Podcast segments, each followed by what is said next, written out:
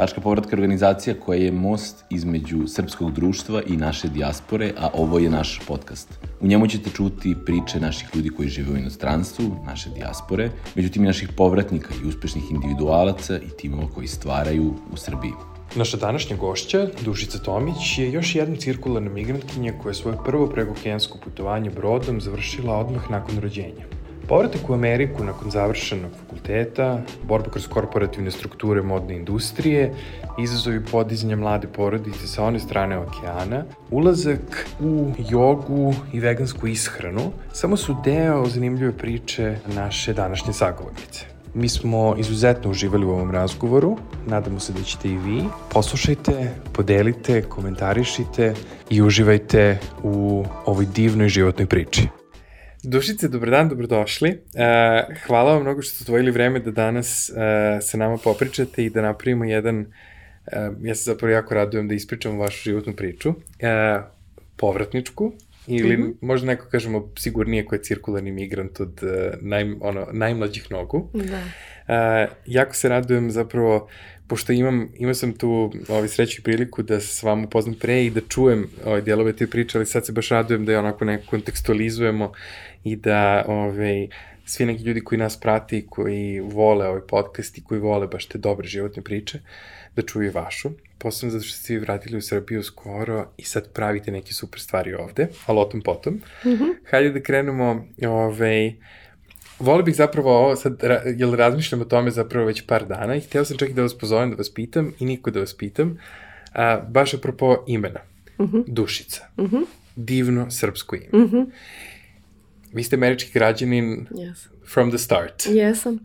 Kako je Dušica, kako, du, ka, kako Dušica zvuči u Americi?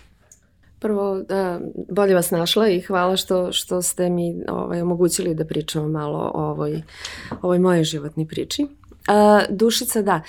E, to nekako nije baš moglo to lepo srpsko ime da prođe ovaj u Americi, tako da otprilike posle jedno 13 meseci me je moja prva šefica Amerikanka prva šefica, koja je inače bila poreklom Poljakinja, i rekla to ne može, dušica ne može, to će biti duša. I rekla mi je, ja nisam imala ništa protiv, i rekla mi je kako će se speluje, D-U-S-H-A, i to je tako nekako ostalo skroz do kraja. Ali zar to nije, ima ona, ona divna latinska izgled koja kaže nomen est omen, da je nekako, da, da to ima, da, da, da ima, da. ima prizvuke u tome, doći ćemo do toga, jer sad da. kad ste to rekli, razmišljam kako je to da. možda zapravo bilo da. I onako malo, Jeste. kao jedan onako, mm -hmm. malo, malo snoviđenja, mm -hmm. ajde da, da, se tako, Jeste. da se tako izrazim. Da, nisam, posle mnogo, mnogo kasnije sam i ja o tome razmišljala, ovaj, ali u tom trenutku je bilo to samo onako nekako praktično, da se skrati i ljudi generalno nisu imali problem to ni da pišu ni da čitaju. Kada je Dušica postala cirkularni migrant? Ok, sa otprilike devet meseci. E, znači, ja sam rođena ovaj, pre dosta godina u, u Njujorku. Moj otac je radio na ono dve, tri godine mandat je imao u Njujorku kao uh mhm. -huh. predstavnik banke. Ja mislim da je to bila recimo Narodna banka. Uh mhm. -huh. I pošto je bilo tri godine, nije to tad bilo da se ide tamo vamo nego je on poveo celu porodicu, majku i, to je moju majku i brata i njih troje su bili tamo tri godine i u te tri godine ja prepostavim da je moj, moje mami bilo malo dosadno I onda je, ovaj, sam i ja došla kao neka vrsta zabave. Ja sam se rodila devet meseci pre nego što je oni trebalo da se, da se vrate. I tim rođenjem, znači od samog početka takav je tad bio zakon, ja sam dobila državljanstvo. Znači od recimo 10 meseci ili već koliko im je trebalo, vratili smo se nazad uh, čini mi se, imam sliku, mislim da je to bio recimo neki Queen Elizabeth ili već ne znam kako se zvao brod preko okeanski do, o tome nismo ni pričali. Da, to sam baš da kažem, da, vratili ste se brodom. Brodom, brodom imam i sliku, nisam još bila, nisam bila stabilna na nogama, držala sam se za neki stup, ovaj, još uvijek imam tu fotografiju, a, do, do Pariza, do Francuske i onda, ja mislim, vozom da su, da su došli do Beograda. Ovaj, I eto to. To je početak bio. To je bio početak. Dušica postaje cirkularni migrant na brodu Queen Elizabeth u povratku iz Amerike. da. Sa koferom koji nije mogla spakuje da, sama. Da, Dobro. da. Ok, onda je Beograd zapravo nekako grad vašeg detinjstva, Jest. tako? Beograd ja uvek sam smatrala, još uvek smatram svojim gradom. Ovaj, par puta smo se nešto, dva, tri puta smo se selili po Beogradu, ali ja sam ovde završila, odrasla, završila školu, fakultet. Ovaj, e, sa 18 godina sam nekako uh, rešila da uzmem pasoš američki. Uh -huh. Sa 18 godina sam ovaj, uzela američki pasoš, nisam tad nešto mnogo razmišljala, rekao, što da ne, kad već mogu i to je bez ikakvih problema ovaj, prošlo. I to se u stvari pokazalo kao dobra ideja, neko ovaj, e, predskazanje, jer ja sam, i o tome nismo pričali ranije, ja sam na recimo drugoj godini fakulteta već otišla ovaj, za Ameriku. Plan je bio da ostanem uh, skoro godinu dana da čuvam dete. Uh -huh. Da čuvam dete uh, porodici uh, koja je bila mešovita. Otac je bio uh, Srbin, Beograđanin, uh -huh. a majka je bila Vijetnamka. A dete u tom trenutku je uh, bio otprilike 15, možda 18 meseci, zvao se Staniša. da, i živjeli su, i živjeli su upstate New York, oni su mene našli ovde u Beogradu nekako i to je interesantna priča. I ovaj, Pričamo pre interneta. Mnogo pre interneta. To ja sam dobila taj posao i otišla sam zahvaljujući studiju B. Jer je taj čovek, recimo preko studija B, tražio devojku koja može relativno brzo da, je, da ode za Ameriku da čuva dete i to sam bila ja. Fascinantno. Ja sad da. razmišljam... Intervju je bio u hotelu Moskva. da. ja sam razmišljao kad ste to rekli i kažem, ha, vi ste imali 18 godina, dobro, pre interneta i kao, kako se zapravo, kako, kako, uopšte, kako se ta konekcija napravila? Znači, ne da. postoji online oglas, da. nisu društvene mreže, da. nije telefon. Da, sudbina je mnogo čudna stvar, jer ovaj, u stvari nisam ja čula taj oglas, ja sam drenkala popodne. Nego je moja drugarica Vesna to čula i ona je rekla, joj, mene sramota da zove, maj zovi ti. I ja zvala i ovaj, kad sam joj rekla o čemu se radi, ona kaže, jo, ja to nisam zainteresovana tako dugo u Ameriku. Rekao, nemaš ti protiv nešto ja, ako se, ne, kao sam ti, ajde, i tako je to je bilo.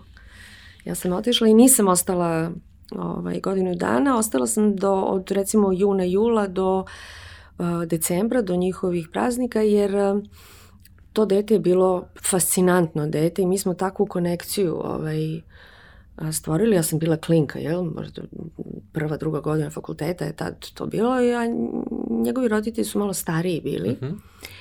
I onda ovaj, mi smo pevali narodnu muziku, igrali kolo po, ovaj, dok su roditelji bili na poslu i tako. Ja sam mu i kuvala i sve. I on se pre, malo preterano vezao za mene. I to onako ba, nije baš bilo ok, tako da smo odlučili da se raziđemo jer je on, on ovaj, malo se preterano vezao, preterano brzo za mene. I ja sam se vratila kući ovde za, za Beograd pre nego što je bilo planirano. E, završili ste u Beogradu e, engleski jezik, uh -huh, revnost. Uh -huh. To je neko i logična pasija prema uh -huh, jeziku, potpuno uh -huh. logična. Ali ste svi u Beogradu i zaljubili. Jeste, kako beše. A, zaljubila se i ovaj u a, sadašnji muža. A, I mi smo se, boga mi, zabavljali jedno četiri godine otprilike mm. i sve je to ličilo kao, ok, mislim, uvek smo mislili da će to biti jednog dana da ćemo se venčati i tako, ali nismo nešto planirali kad. Nije se žurilo ni njemu ni meni, on je, on je muzičar bio, svirao bubnjeve. Ovaj, a, ja sam studirala, pa onda završila i kad sam završila, onda smo rekli kao, ajde kad ja već imam pasoš, Što ne bi, to je 89. godina bila, znači pre svega što se desilo na, na ovom prostoru. I ovaj, kao, ajde da odemo, kad diplomiram, da odemo malo ovaj, do, do Amerike, kao da vidimo kako je. On je nešto u šteđevini imao, ja sam nešto u šteđevini, pošto sam ja radila malte ne sve vreme kroz fakultet. I ovaj, ajde. I ja stvarno igram slučaj opet, sudbina je čudna, nađem posao a, preko brata, prijatelja, prijatelja, u tadašnjem Impexu Genexu u Njujorku im trebalo mi je sekretarica koja je bila relativno jeftina radna snaga sa znanjem engleskog jezika, sređenim papirima i ja sam se tu savršeno uklopila. Tu čak ja mislim nije ni bilo ni razgovora, ni intervjua, ništa. To je onako neveresivo bilo. I ovaj, ja sam kupila kartu, to se sve nešto očas posla desilo. I ja sam se raspitala, ok, ja nemam problem idem, ali šta ćemo sa srđanom? I ovaj, on rekao, nema ništa, ti da brineš, doći ću ja. Meni uopšte nije bio cilj da idem sama. Uh Mhm. -huh. Ja sam znala, raspitala sam se, ona možda dobije vizu, tek onako. I mi jedva nekako prelomimo da se venčamo dan pre mog odlaska. Mi smo se dogovorili u sredu uveče, vrlo filmski. Dogovorili smo se u sredu uveče da se venčamo, jedva smo namolili ovu ženu matičara ovaj, za subotu. Između dva venčanja nas je ubacila. Mi smo se venčali u subotu, ja sam otišla u nedelju. Tako je to bilo. I onda je on došao šest meseci kasnije, bez problema. Dobro, i sad, vi ste spakovali kofere sa idejom da oprobate život u Americi, Tako je.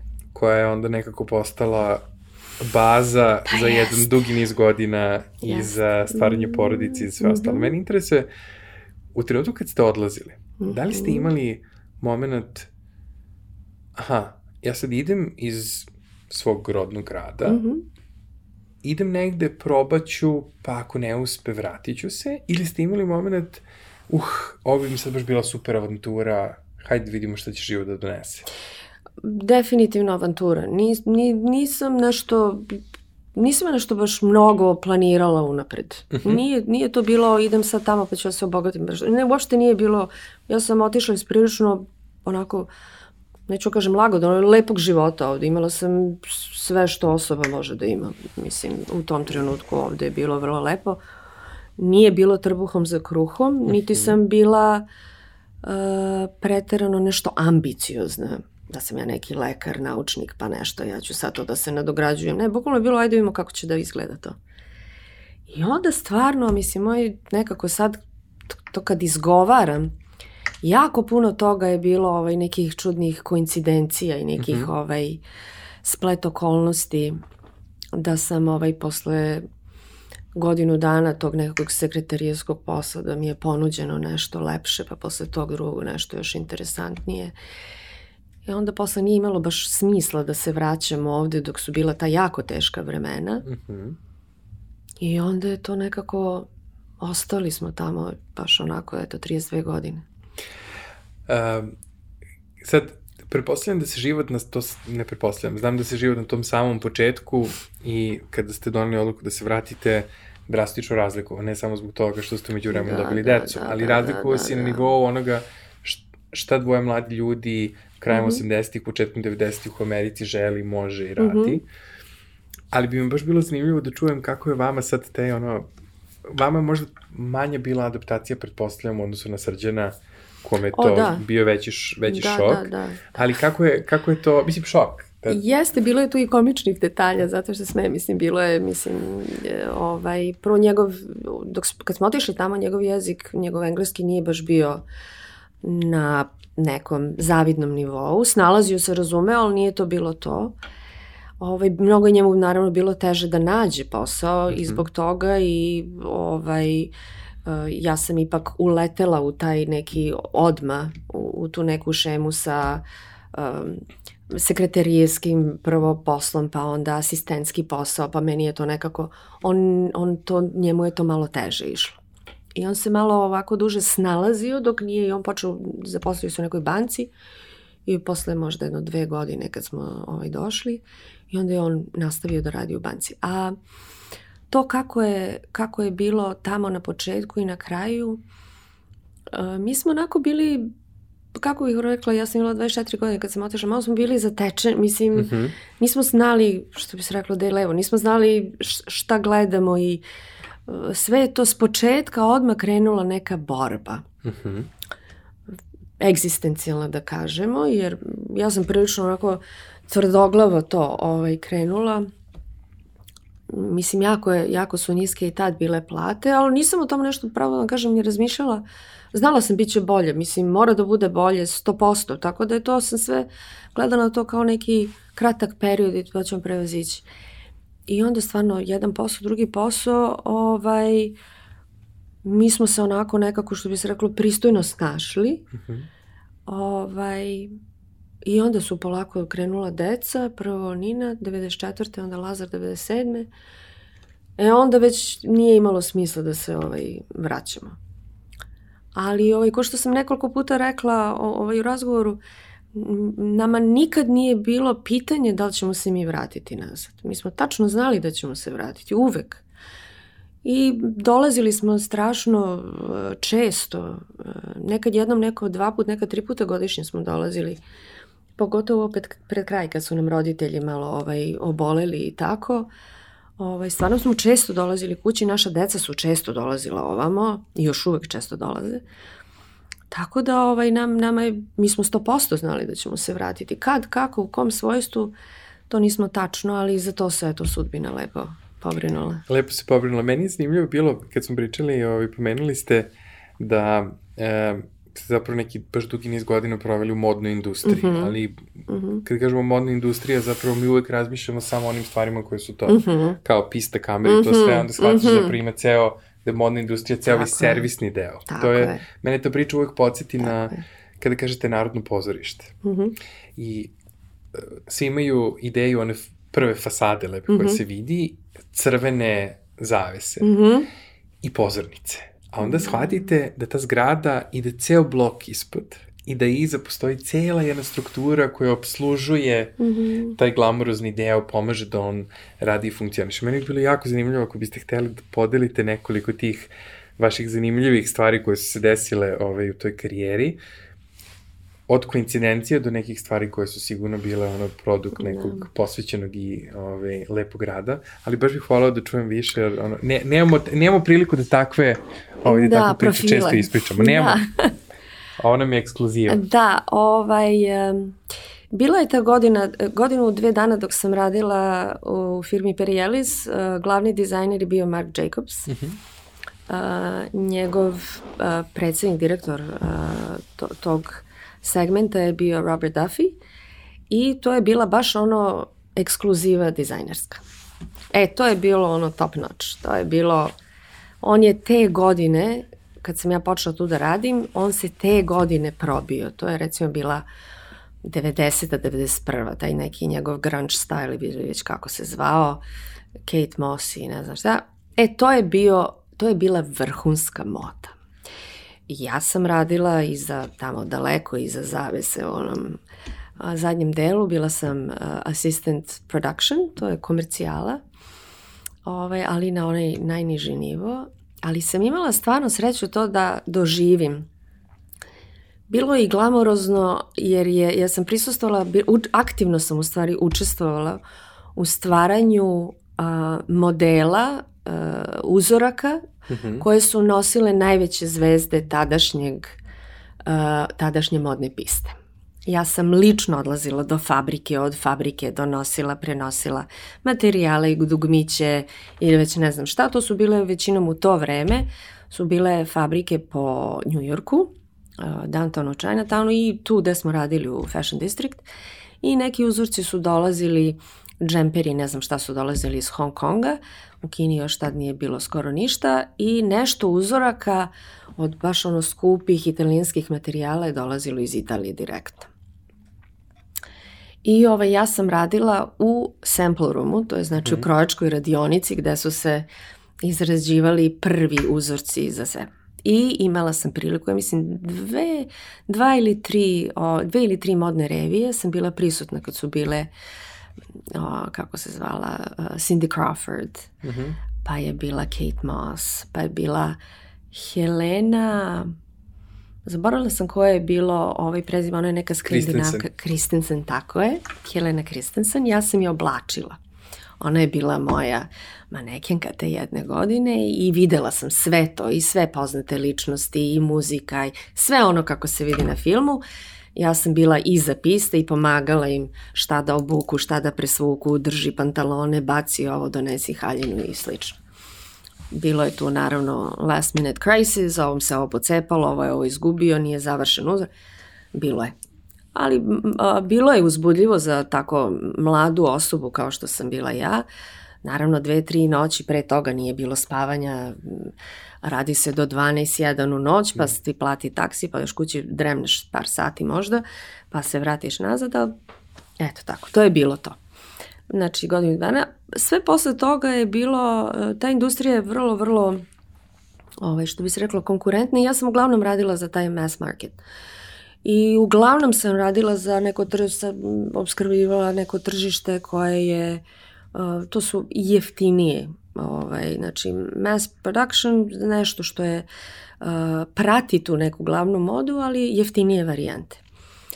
Ja sam bila, sve vreme sam radila production, znači komercijala, to je podrazumevalo To je podrazumevalo uglavnom rad sa fabrikama, uh mhm. -huh. rad sa prodajom, rad sa dizajnerima, rad sa tehničkim osobljem, quality control, uh, išla sam na probe tih uzoraka, gledala boje, putovala po Aziji, uglavnom je to bila Kina, imali smo Uh, radila sam dugo u firmi koja je imala svoje dva, dve, dve kancelarije u, u Kini, uh, Indija, Vijetnam, već kako šta. Ali ovaj, bilo je, ne mogu da kažem, bilo je interesantno. Nije bilo mhm. glamurozno, bilo je interesantno, i, ali veoma stresno, jer je ta cela industrija veoma, Amerika kao što možda znate, u poslednjih, ne znam, 15, 20, 25 godina imala tu neku masovnu proizvodnju, masovne te produkte koji su jako jeftini. Mm -hmm. I ja sam, mislim, bila sve... Fast fashion. Fast fashion, da, Da, fast fashion. Ali je meni uvijek bilo fascinantno po kakvim se cenama uh, ta, ta garderoba prodaje a i koliko to košta i ko, gde koliko para tu pravi. Uh mhm. -huh. ovaj, godinama sam je gledala da Evropljani dolaze bez kofera do New Jersey-a, imaju hotele preko puta aerodroma Oni dođu do, idu u shopping, imaju tu dva velika shopping mola, kupe i kofere i napune sve kofere i vrate se kući. Mislim, to je toliko jeftino bilo. Ovaj, to je trajalo koliko je trajalo, ali ovaj, mi smo eto obskrbljivali ta, deo tog, tog tržišta. U sve to ja moram da kažem da firme gde sam ja radila zaista su strogo vodile računa o kvalitetu. Uh ovaj, ono, ja sam bila tu first hand znam iz prve ruke da je to stvarno smo se trudili da bude i kvalitet i ja sam radila i na proveri materijala i na proveri uh, quality control i materijala i svih delova ovaj, uh, garderobe i tako, tako da bilo je jako puno posli, stvarno vrlo stresno. I, i to je prošlo. Kako taj stres uh, utiče na, ili da li je taj stres možda nekada imao ovaj, uticaja na stvari kojima se bavite danas. Jeste uspeli nekada da napravite taj link da kao te stresne stvari su nekako možda dovelo do toga da neka vaše interesovanje i stvari kojima se bavite danas budu nekako reak, reakcija na to? Uh, ja danas sam, čini mi se, potpuno drugačija osoba nego što sam bila pre 20 godina kad mi se to sve dešavalo. Jer ono, šablonski, kad uđeš u tu šemu, jednostavno ne vidiš šta ti se dešava. Uh mhm. -huh. Ovaj, imala sam sreću 20 godina da sam radila u jednoj firmi koja je bila porodična firma, pa su mi oni dozvoljavali malo taj neki luksuz kad mi treba da provodim, ako su nam deca do, bolesne da mogu da budem kod kuće, ako mi stvarno nije dobro. Mislim, imala sam, imala sam te neke olakšice. Uh mhm, -huh. U odnosu na standardnu U odnosu na standard, Ameriku. tako je. Uh, tu su bili, vlasnici su bili otac i sin, posle i unuk i oni su bili dobri ljudi. Uh -huh.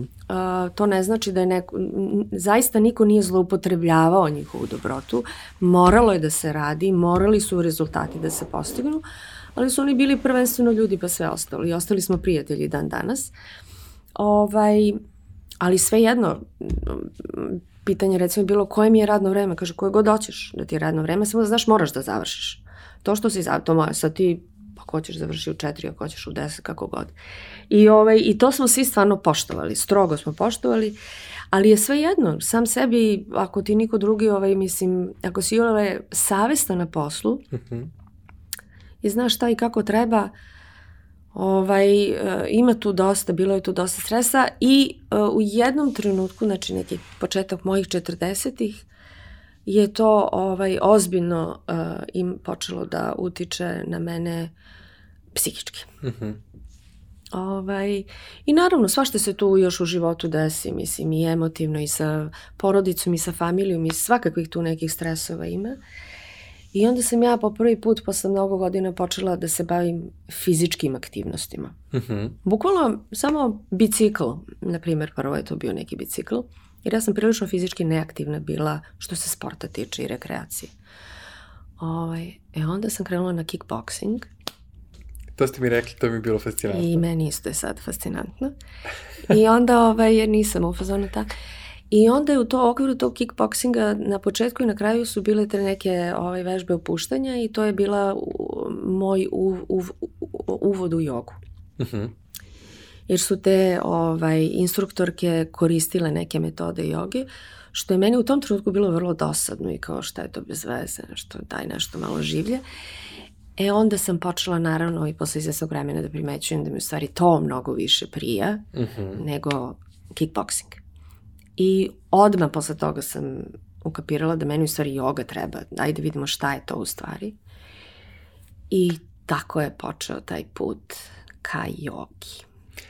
Meni je uh, iz naših razgovora, ja razmišljao sam dosta o ove, stvarima koje ste mi bili rekli. Uh, zanimljivo mi je bilo kako ste, ja bih rekao, onako vrlo iskreno nekako, uh, kad su se prvi put upoznali sa mnom, podelili te momene, ste rekli, mislim, meni je yoga realno bila dosadna na početku. Da. Mi smo kao, ja da. baš nisam to ne. kapirala, nije mi to bilo, a onda je nekako došla u... U prvi plan. Da. Ne da je prvi plan, nego je preuzela sve, apsolutno je sve preuzela, svaki, uh, svaki deo moje interakcije, života, uh, što bi rekli, to je way of living, mislim. Uh mhm. -huh. Ovaj, Da, ali to s početka je, zato što nisam, nisam, čini mi se, taj temperament, ja nisam temperament da sve može polako i da sve može. Ne, nisam, meni mozak uvek radi stvarno 100 na sat i uvek imam neke akcije i sama sebi pravim po, i mislim takav sam tip, tako da mi je taj recimo kickboxing, mi je to mi je bilo nešto super. Energetski, I to, energetski je to bilo ono što, što sam ja htela nije to bilo to što mi je bilo potrebno, kao što to razlika. često u životu ide.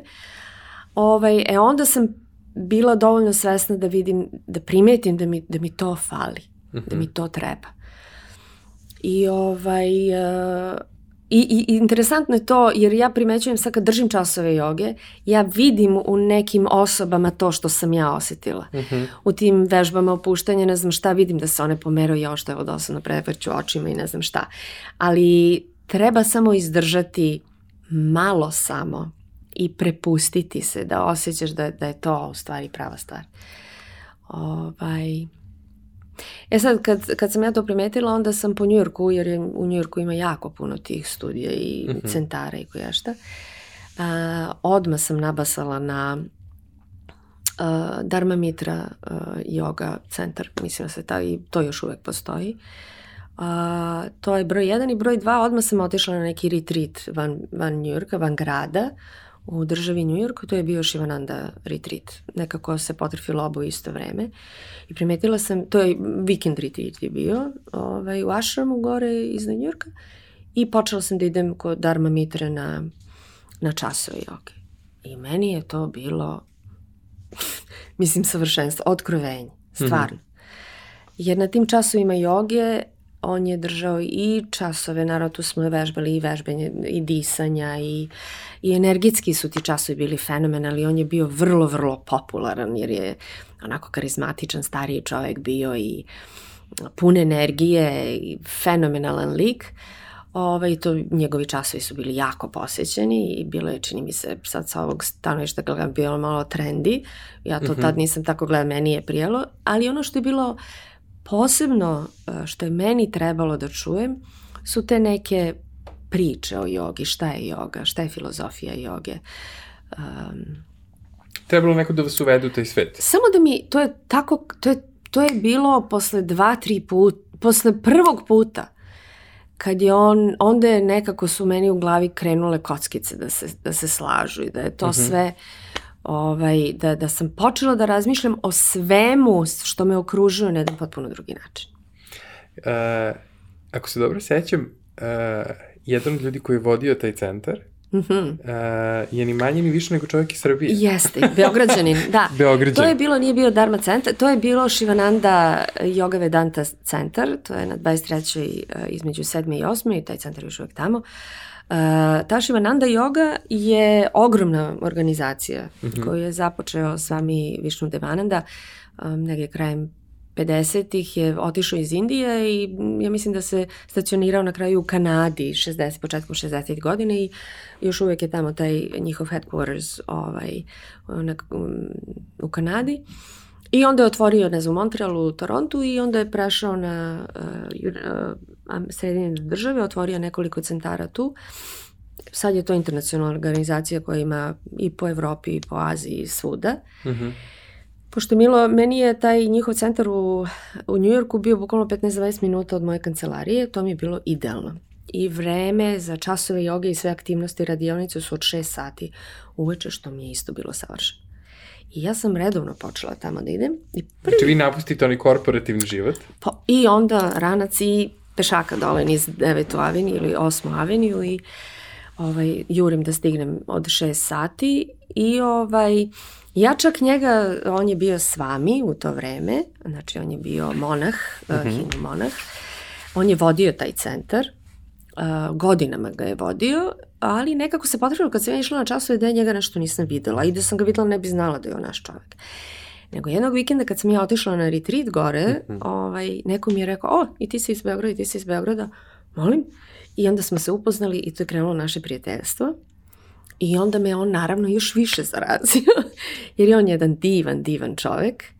Uh, on je isto prilike moje godište, godinu dana stariji od mene i on je otišao iz Amerike iste godine kad i ja, 89. Samo što je njegov put bio mnogo, mnogo drugačiji.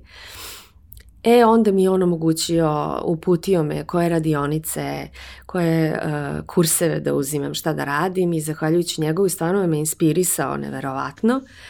I mene i mnoge druge, jer je stvarno jedan vrlo kvalitetan i divan uh, čovek. Uh, on me, da kažem, davio, jo, kad ćeš da završiš kurs, kad ćeš da završiš, moraš ti, moraš da budeš instruktor, kad ćeš da... I naravno da došlo je do toga kad se ukazala prilika. Ovaj, 2013. godine sam završila, pri, u toj organizaciji sam završila ovaj kurs instruktora joge. Um, razmišljam o tome, a nismo pričali o tome, uh, da li Da li su vaši ukućeni, odnosno članovi porodice, srđeni deca, imali priliku da ovaj, osete tu promenu? Da li im je to bilo čudno? Kako uopšte sad u jednoj srpskoj porodici koja živi u Džerziju, majka koja počinje da se bavi jogom i sad nekako to postaje sastavni deo njenog mm -hmm, života, mm -hmm. kako to sad rezonuje sa, uh, sa settingom koji već postoji? Da, uh, niko od njih ne vežba jogu, ali su, niko, i ne pri, ali su simpatizeri. Dobro. Jako su ponosni na svog člana porodice koji uporno odlazi dva, tri puta nedeljno na te časove, na kurseve, što da vežba, što da drži časove, što da drži kurseve, uh, što uvek su me svi podržavali do jednog. I kad nisam kod kuće, i kad nešto treba da se uradi, ja nisam u mogućnosti mušću uraditi.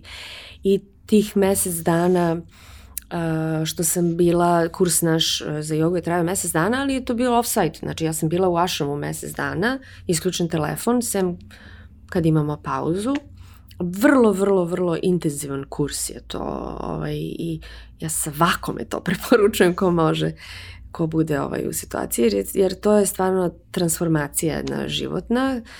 Ovaj, I uh, oni su, niko nije imao, nikad ni jednu reč, niko od njih troje, uh, nisu rekli, jao, pa zar moraš, pa zar... Ne, stvarno su me uvek podržavali i poštovali su znaju kad ja vežbam jogu, kad radim neke svoje uslovno govoreći rituale i neke te svoje navike koje ujutru uveče ovaj, imam, oni su to stvarno svi strogo poštovali. I ovaj, uh, ja sam pokušala i svoju decu da vodim na, na te neke ovaj satsangs, na te uh, taj je li chanting, kako se to kaže, pevanje i uh, mantre Meditaciju. i sve to, meditacija, ali je to i uz muziku meditacija i pevanje i sedenje na podu skrštenih nogu 45 minuta, sat, sat i po kako kad, pa onda priče o jogi, ja sam to njih jednom, dva put, tri put naterala da pođu sa mnom, Sam, ne moraju, ali samo da vide kako je to divno. Naravno to, oni su mnogo mladi bili, nije to njima ništa. Ali, ali, im je, ali su zahvalni, ja mislim, i na tome. Mm -hmm. Uh, čini, i čini mi se da je to važno, da to neko seme postoji negde pozadi. da oni, ovaj, i dugo je moj sin, ovaj, govorio Jaya Ganesha, to je neka mantra, Jaya Ganesha, Jaya Ganesha, Jaya, i ovaj, to nam je ostalo onako internal joke. Ali da, niko od njih se nije ovaj, do sad još primio. Primio. Dobro ima veze, ali su, ali mislim, oni su primetili promenu u vama, Da. ali je divno što su, ja Da. mislite da je ta promena kvalitativno donela i nekoj boljoj energiji pa, unutar znate šta, porodice? drugačije sam, čini mi se da sam drugačije na, na neke životne situacije, pogotovo sa decom, sam, čini mi se pokušala malo drugačije to da, ovaj, da odreagujem. Mhm. A, a hvala Bogu sa tinejdžerima i, on, i nešto malo kasnije, ima tu dosta ovaj, em, izazovnih situacija. E, Ja mislim ono što me n- najlep, najviše što mi je značilo je da, e, da, da sam postala svesna, svesna da, da to preterano emotivno vezivanje za osobe i situacije je potpuno nezdravo i, i nepotrebno. Ne govorim da ne treba da se voli osoba, taman posla, naravno da svi volimo i decu i muža i porodicu i brata i sve ostalo, ali da treba da odvojimo to osjećanje ljubavi od te vrlo često bolesne vezanosti. Mhm. Znači, naša deca su otišla na fakultet. Nisu živeli kod kuće. Ja njih nisam viđala po više meseci. Iskreno, moj muž je mnogo više patio nego ja. Zato što on je, on je pa, pa da, te, ti kod da nisi majka i tako to, briga je postojala, praktična o to, ali nije bilo ono cimanje svaki dan, šta radite, jeste bili, jeste ustali, jeste pojeli, jeste, da li ste zdravi, da li niste zdravi, jeste bili na žurci, kako je bilo, šta radiš, šta... to je prestalo. To ne postoji. Uh, I sada, I tu sam za, za sve i zvaću ih, ali neću opterećivati. Nema, Mhm. nema te neke, jao, zašto mi nije zvao, jao, kad mi i to. I za situacije isto tako. Jako mi je pomoglo u vezi, uh, uh, u vezi s, svake vrste odnose sa ljudima oko mene. Mhm. Poslovne, prijateljske, rodbinske, šta god je u pitanju. Uh, jednostavno mi je promenilo mi se. Promenilo mi se da mi je mnogo lakše Mhm. i da je, kako da kažem, uh, lakše, nema, lakše. Jednostavnije. Kad ste postali vegetarijanac? A, 2009. Mhm. A, to je, kažem, rekla sam, to je trebalo dva, tri puta da čujem nešto i onda sam, ovaj, ne. I samo, mislim, je, jed, jedna, samo jedna misao iz te neke filozofije je da religija koja se provlači kroz jogu, hinduizam recimo i jogu, je da smo, sad to je malo možda teži koncept da se stvari, ali svi smo mi jedno. Sve životinje, sav uh, živi svet i uslovno govoreći neživi svet, mi smo, nas sve veže jedna ista nit. E sad, to, kad se malo dublje o tome razmisli, šta to znači? U stvari, ono što u hrišćanstvu ima ne ubi bližnjeg svog. Mhm.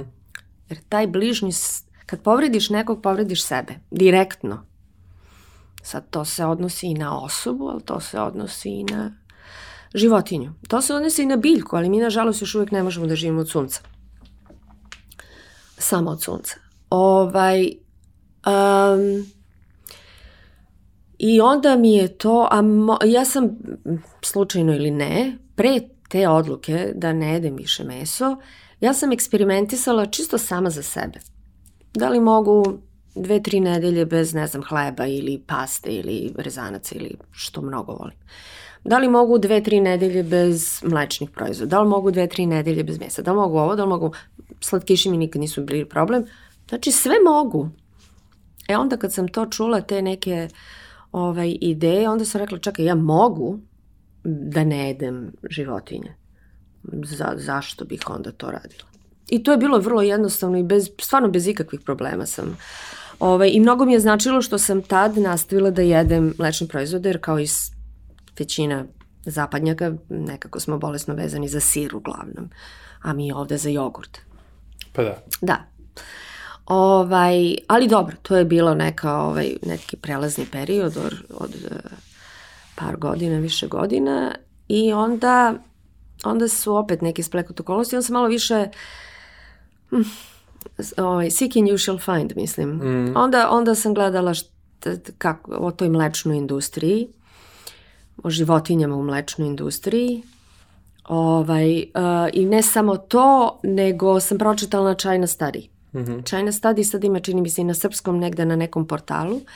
To je, tu knjigu je napisao doktor medicine Colin Campbell, uh, koji je jako veliki pobornik uh, i on je uveo, čini mi se, taj izraz plant-based diet. Znači nije da si vegan, nego si plant-based diet. To znači da uh, malo je drugačije. Mislim, isto je konceptualno isto da jedu, se samo biljke, ali on promoviše ne samo da jedemo biljke, nego da svesno biramo šta i kako ćemo jesti. Ne uh mhm. -huh. samo, znači, u biljku spada i šećer i sve ono što je nezdravo, prženo, ne znam šta, ali, znači, malo svesnije da razmišljamo o tome šta unosimo, šta organizam. unosimo u organizam i da ja. sve to bi trebalo da bude biljnog porekla. Onda sam pročitao tu knjigu koja je uglavnom naučna stvarno studija, nema veze sa hemijom i nisam mnogo, ali mi je nekako imalo to smisla. I onda sve nekako je opet to došlo. Kako jednoj se... srpskoj porodici postajete vegan? Tako u jednoj srpskoj porodici postajem vegan, da. I onda sam, uh, uh, ja sam uvek bila vrlo svesna da je to samo moja odluka. Uh, moja deca nisu bila zainteresovana, ko što rekoh, ni za šta, muž isto tako. I onda sam ja godinama kuvala nešto, čak tri vrste jela. I ja volim, uvek sam volela da kuvam, da se razumemo. I meso i nemeso i dok šta god da sam jela, ja sam to volela da kuvam. I da eksperimentišem i svašta nešto.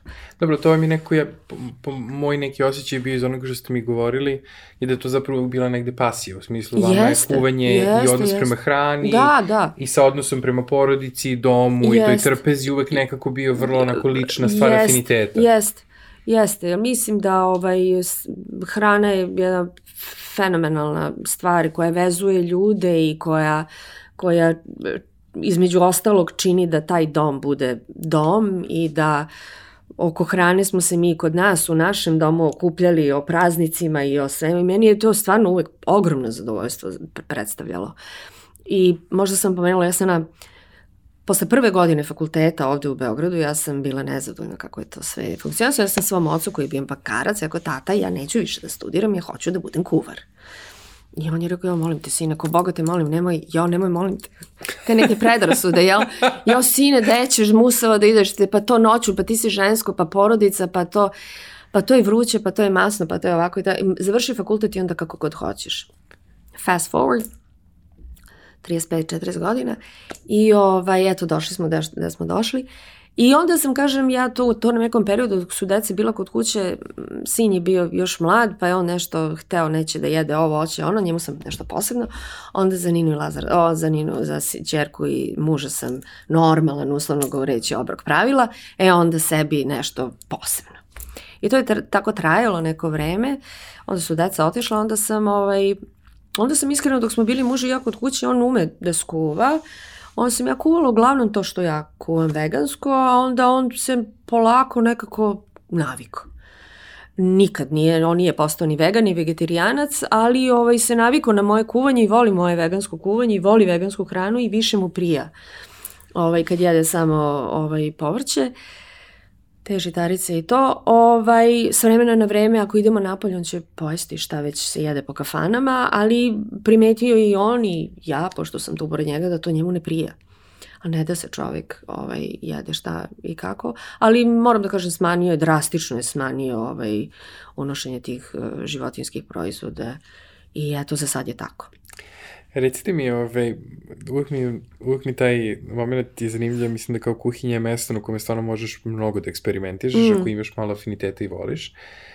I kultura slušanja sobstvenog organizma mm -hmm. je nešto što je mislim da nam mm -hmm. svima generalno fali. To, mm -hmm. to je stvar mm -hmm. na mhm. koju uvek možemo da radimo. Mm -hmm. Čak i ljudi koji se aktivno bave time, mm -hmm. uvek postoji ono dodatni kilometar mm -hmm. koji možeš da pređeš.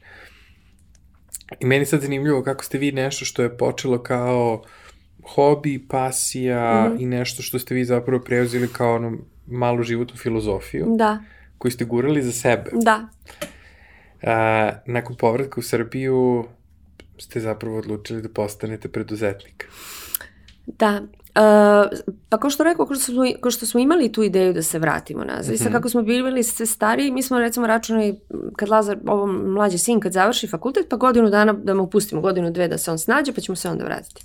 Znači, otprilike smo to pre 6-7 godina smo, na primjer, imali taj neki osjećaj kad ćemo se vratiti. Korona je to malo ubrzala, hvala Bogu. Ovaj, ne hvala Bogu zbog korone, taman posla, nego što je za nas to tako se desilo. Ovaj, I što Lazaru nismo dali tih godinu, dve dana, nego smo ga istarali u roku šest meseci. Ovaj, ali par godina pre toga potpuno ste u pravu. Meni je ta joga i hrana i uh, to što ste rekli, ja kažem da je dužnost, pravo i obaveza svakog od nas da vodi računa o sebi. I to mm. najiskrenije mislim.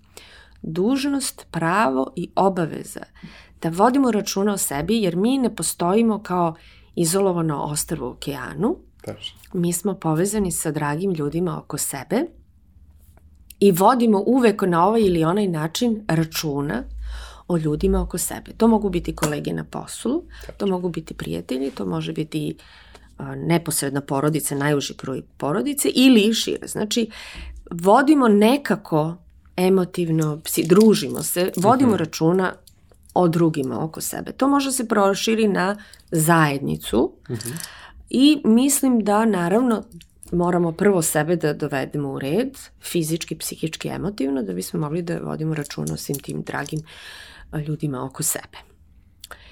Uh, a ko što rekoh, i joga i ta veganska ishrana je stvarno jako uticala na promenu. Mislim da ne govorimo o zdra da se osjećam, nemam problem da kažem, pre 2-3 dana sam napala 58 godina, ovaj, da se osjećam bolje nego sa 32 ili 35, da mi je naravno i krvna slika i sve to što uz to ide mnogo bolje. Znači ta fizička zdravstvena energije imam dovoljno i previše.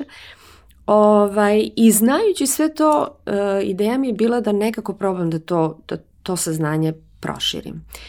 I dok smo bili još tamo, ja sam zamišljala, imala sam vrlo, vrlo čistu sliku u glavi, neverovatno fotografski, tačno vi još uvijek vidim, kako sam ja to zamislila, što, šta ću ja ovde da radim. Da se uđe u prst, u, u, ja sam to zamislila na bulevaru kralja Aleksandra, odmah uh mhm. -huh. se razumemo.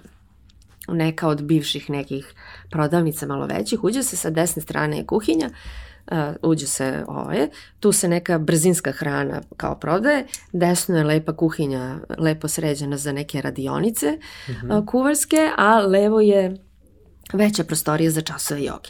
To trenutno ne postoji, ali mi je to bila ideja vodilja. I onda kad smo došli ovde, to je bila moja ideja da počnem nešto da radim. Znači mi smo došli prošle godine u krajem februara, ja sam uh mhm. -huh. prostor u kojem sam sad našla tri meseca kasnije. I potrefilo se tako da je neko izašao iz tog prostora i da ima kuhinju, jako lepu, i da ima neko dvorištance koje mi delimo sa barom, čiji prostor ovaj, onako sve ukupno delimo, i gore ima jedna mala prostorija koje, u kojoj mogu da se drže časovi, individualni časovi jogi ili za parove. Znači, onako blizu je, što bi se reklo. I tako sam i registrovala firmu kad sam otvorila, kad uh -huh. sam postala preduzetnica, lepo sam se raspitala, šta, pošto ja uzgled budi rečeno, do prošle godine nisam imala ni jedan radni dan, jednog radnog dana iskustva u Srbiji, u Jugoslaviji i u Srbiji. Ja nikad nisam radila u Beogradu. Do prošle godine. I ne samo da sam počela da radim, nego sam otvorila svoju firmu. Tako da onako, to je prilično onako izazovno, interesantno. Mm -hmm. Jedan malo drugačiji sistem u odnosu na oni koji ste navikli. Pa nisam znala šta da očekujem, pazite, ja sam tamo bila zaposlena, kod nekog sam radila i onako, što se toga tiče, nije me, nisam morala da se opterećujem nekim uh, zakonima poreskim i mislim, meni je to sve dato, jel? Kao si zaposlen, dati, neko ti kaže, treba da uradiš ovo, treba da i ti to samo ovako. A ovde, ovaj, čak ja nisam ni poznavala, ja ni ne, ne poznajem nekog ko se bavio nečim sličnim. Nemam uh mhm. -huh. prijatelja koji imaju kafane i ne znam šta, restorane, barove. I kako bih rekla, nisam ni znala ni šta da pitam. Uh -huh. ni, ne znam šta ne znam. I onda sam baš počela ne od nule, nego negde pet spratova ispod nule, da. Ali evo da kucam u delo za sad, to nekako, naučila sam svašta nešto. Dušice, kako se zove vaš uh, divni preduzetnički poduhvat? Jao, zove se Ahimsa Vega Yoga. Super. Znači, uspeli ste da na jednom mestu i jednom konceptu povežete nešto što je veganska ishrana i veganska klopa zapravo. Da, da, da, da, da, da. Onako soul food. Da, Kak, jeste. Kak, kako ste mi objasnili. Jest. Tek treba da probam, tako da Jest. ovo pričam sad ovako... Jest. Na pamet. Na pamet. Da. Ali iz onoga što sam Da. ovaj, dobio kao informaciju, to mi se čini da je da. neko hrana za uživanje. Jeste. E, ovaj, prvo, ahimsa znači nenasilje i to mi je onako jedino, mislim, tu nije bilo razmišljanja kako će se zvati. Ahimsa nenasilje u svakom obliku. Kad se kaže, ah, pogotovo ahimsa, znači to podrazume nenasilje fizičko, e, mišlju i rečima. Sve vrste nenasilja. Ovaj vega yoga je e, self-explanatory, znači ono kako jeste. E sad, e, vrsta hrane. Nešto malo što sam ja videla, prvo jako mi je drago odmah da kažem, što ima veganskih nekih mesta uh, i vegetarijanskih po Beogradu, što se, ko što rekao, često sam dolazila i onda vidim iz godine u godinu da to sve ide sve više i više Jeste. i da ljudi sve više obraćaju pažnju šta, kako jedu, koliko i ovo ono i sad nešto je možda trend, nešto je možda stvarno dizanje svesti, šta god da je u pitanju ja to pozdravljam i to je divno. Uh, ja sam imala ideju uh, koja vrsta lokala će da bude. Uh, u tome sam do sada istrajala jer sam videla da ima ovde ljudi jako puno vole slatko. Jeste. Jeste. I dosta se u posljednjih dve, tri godine obraća pažnje na ro. Ro mogu da budu slatkiši, znači ne kuvano, ne, ne prerađeno termički i to je fenomenalno. Nije moj fazon, ali je fenomenalno. Znači tu dolaze i sokovi, i smudi, i kolači, i salate naravno. E, ovaj, meni je, kako se zove, ja sam tela nešto malo drugačije. I nikad nisam htela da se neki marketing da bude da naglašam da sam ja zdrava hrana. Ima tu zdravih, baš zdravih e, komponenti zdravih jela, ali meni je ideja bila da ja budem ono što je uslovno govoreći popularno, to je fast food. Moja hrana je zamišljena da bude fast food. I da ima zdrave i zdrave i manje zdrave opcije. Kad kažem manje zdrave, mislim na recimo pomfrit. Imam pomfrit, imam, prodajemo burgere, ćevapčiće, sve to vegansko naravno, nešto pravim, nešto od distributera dobijam, e, kuvana jela, čorbe i um, Znači, pokušala sam da spojim da, da spojim da ima nešto od tih kezadilja, sendviča i to sve što je nije preterano možda zdravo, jer tu ima nešto malo prženo, ali imam i te neke mnogo, mnogo dobre i zdrave čorbe i kuvana jela svakog, svake nedelje i uh, taj neki kineski piri, znači Buda bol i svašta nešto tu smišljamo. Tako sam pokušala da spojim nešto da bude onako atraktivno za malo širi dijapazon ljudi i za sad dok sam isto funkcioniše. Super. Divno, napravili ste zapravo jedan ono pionirski poduhvat e, u godinama kada ljudi razmišljaju o tome mm. -hmm. kako žele da se odmaraju. Mm -hmm. Vi ste rekli ja imam previše energije Jo, da bi jest. se odmarala. Mm -hmm. Kao Da. hajde da pravimo nešto. Da. Što, je baš, što je baš divna stvar. Da. I, I baš u Beogradu. Jeste, baš u Beogradu i uh, mislim da je ovo trenutak da kažem da s obzirom da ja ovde nikad nisam radila i ne poznajem mnogo ljudi koji imaju svoje firme, koji, od- da vam ne pričam da o distributerima hrane apsolutno ništa nisam znala. Uh, Znam uh, važnu osobu iz jedne firme i taj čovek me je povezao sa drugim, a taj čovek me je povezao sa nekim trećim. I onda sam gledala, tražila organsku proizvodnju uh, povrća recimo, pa sam gledala da li može se kupe organske žitarice i mahunarke, može. Naravno rinfuzu, znači na, na veliko se to nešto kupuje. A, pa sam našla da se kupe i neka vrsta tih veganskih ćevapčića. Sve to su bili, imam kontakte sa, pa ambalaža. Nisam htela da koristim plastiku, stiropor i ne znam šta, nego se trudim da to budu natronte neke od papira ili kartona ovaj, ambalaža. Trudim se koliko mogu da to nešto bude a, ekološki, koliko je moguće zdravo, a da opet ne podigne cenu da proizvod krajnji ne bude nepristupačan širokom ljudi, širokom uh, dijapazonu ljudi. I pokušala sam tu neki taj ovaj da nađem uh, kompromis koliko god sam mogla. I moram reći da 98, 99% mojih iskustava sa saradnicima uh, je odličan. Naišla sam i na razumevanje što sam tek sam počela i što sam mala i prave mi ustupke i opraštaju mi i uh, čujemo se, imamo divan odnos zaista sa mhm. većinom njih sam uspostavila zaista vrlo, vrlo korektan ovaj, odnos i to za sad stvarno mnogo lepo funkcioniše. E, ja se mnogo radujem da čujem ovaj, tako neku stvar, jer to je negde i e, ideja zašto smo uopšte počeli sa ovim podcastom, a, a to je bilo da podelimo um, životne priče naših uspešnih povratnika. Mm -hmm. I to kad mm -hmm. kažem, ne mislim samo na uspeh koji je poslao, nego uspešni povratnik po nama znači neko ko se vratio i ko je srećen ovde, ko se integrisao, mm -hmm. ko mm -hmm. je možda uvek imao ideju da želi da se vrati, pa je to mm -hmm. nekom trenutku uradio bez obzira da li je trigger ubrzao, kao što je, na primjer, korona, za mnogi ljude širom mm -hmm. sveta bila. Mm -hmm. Mm -hmm. Naterala je zapravo ljude da inače preduzmu akciju nekim stvarima koje su možda -hmm. malo odlagali iz komfortne mm -hmm. zone. A, ali nam je mnogo drago da ste, ove, da ste htjeli da podelite sa nama ovu priču. Ono što imamo kao, da kažemo, ona neka pitanja koja ponavljamo, jer nam daju baš sad onako neke zanimljive ove, uvide dalje. Da imate čarobni štapić, mm -hmm. jedan, šta je to što biste promenili sutra da u Srbiji važi kako god da, da ste ga vi podesili? Da. Uh, pa ajde prvo da krenemo od Beograda, jer mislim da je to... Ovaj, da. da, krenemo od Beograda, jer to, to je nešto što viđam s obzirom da sam cirkulišem po, po Vračaru uglavnom i po to nekom starom delu ovaj, grada.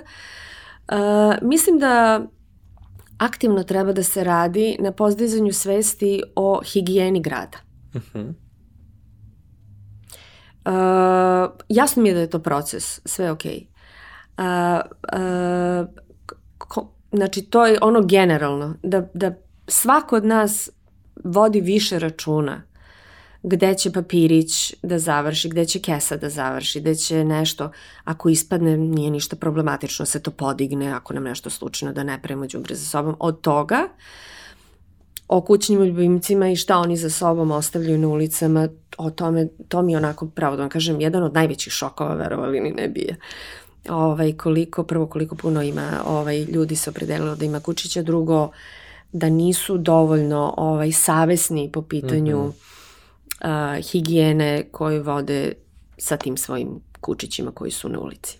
To je, to je broj jedan i broj dva je uh, Beograd ima uh, jako mnogo i, i vrlo često se još uvek iznenadim lepih zgrada. Mm -hmm. I te zgrade i tu da ovaj, ja živim i radim i u drugim delovima grada, to su, to su umetnička dela te zgrade koje su stare desetine i desetine, ako ne stotine godina. I ovaj, mislim da mnogo brzo dižemo ruke od restauracije i renoviranja i ovaj, ulepšavanja tih zgrada. I nažalost često se po uh, tim nekim portalima i medijima provlači, a srušili su još jednu zgradu, ne znam, na Neymaru i grade još jedno ruglo grada. Ne ulazimo u to da li je ruglo ili nije, ali mislim da bi više trebalo da se, da se obrati pažnja, da se sačuva ta, te dragocene zgrade koje imaju i priče iza sebe i to treba ovaj, gajiti i poštovati, poštovati. Da, neka istorija da, koju moramo kultivirati. To je istorija koja je ipak deo nas, ne samo Beograđana, ne govorim samo, nemam ja te predrasude da smo mi iz, iz Beograda, ne znam šta, nego je to deo i Srbije, mm -hmm. ovaj, jer dosta tih zgrada su bile neke zadužbine, neki važni ljudi su tu živeli koji su bili industrijalci i naučnici i, i ovaj, uh, umetnici, treba to zaštititi, a ne samo najlakše srušiti i napraviti zgradu od šest ovaj, sprata sa tri podzemne garaže. Još jedno pitanje koje imamo, koju ste knjigu najveći broj puta poklonili? Uh, moram i ovog puta da budem iskrena, nisam veliki poklonitelj knjiga, niš, nije mi to, i, ovaj, uh, ali sam poklonila par puta, ovaj, naravno da je knjiga o jogi, Ovaj, to Naravno, je, to, da, super. naravno. Uh, to je uh, knjiga koja služi kao uh, udžbenik uh, za uh, za, ovo, za instruktore joge pri Shivanandi i to se čini mi se zove Complete Illustrated Book of Yoga, na primjer, tako nešto. I to je onako prilično debela knjiga, maltene, ovaj, mislim, debela je lepa knjiga i unutra ima da, joga poze, ali, ali je i ta filozofija joge unutra i vežbe disanja i, i ne, nešto malo uh, podučavanja o tome kako svest radi i kako možemo da kontrolišemo svest i kako, kako poboljšati sebe na, na sve moguće načine. Uh, ima još jedna mala knjiga ko, koja se zove What is Advaita. Advaita je malo više religiozna, sa religioznog, ovaj, da ne kažem, duhovnog aspekta joge i to je onako meni interesantno, podelila sam možda 3-4 te knjige. Super. Mnogo vam hvala na odvojenom vremenu i što ste bili naš gost danas. Ja se jako radujem ovaj, da vidimo uh, šta će sve Ahimsa Vega Yoga da otvori kao neke nove čakre i kanale. Otvorila sam, moram da kažem, moram da, moram da se pohvalim ako Slušam smem, se. da. Ovaj, počela sam, da, ja držim, volontiram, držim časove joge na Zvezdari pri Mhm. tom, uh, uh, ne znam da li ima se zajednica, ali za starije, za penzionere, znači to je Mhm. chair yoga u stolici i to mi je divno, to mi stvarno predstavlja zadovoljstvo i ove nedelje sam počela da držim časove u jednoj velikoj banci, korporatno, ovde na Novom. Beogradu. Da, I ovaj, to mi je onako nešto fenomenalno. Ovaj, posle, posle njihovog radnog vremena ja dođem, oni imaju a, prostoriju koja je za razne vrste vežbe, imaju i jogu i ja tu držim časove joge dva puta nedeljno. Ja, divno, to su baš neke, to su zapravo baš one lepe stvari, to je Da. i znak između ostalog da, se, da ste se i energetski inkorporisali ovde i da se sad, Da. da sad vrtite neke stvari Da, oko tog svog malog Jeste. ovaj, vretena. jeste, Super. jeste. Mi vam želimo mnogo sreće u tome. Ne, hvala kontaktu smo i družimo se, pratimo. Ja dočekam da probam klopu, tako da se vrlo brzo Važi. vidimo Dođite. ove, i da, da probam sve te razne stvari koje kuvate čorbe me posebno čekam. interesuju. i Da, tako da. da, eto. Jedva Hvala mnogo na odvojenom Hvala vremenu. i vama puno što ste, što ste me pozvali. Uvek.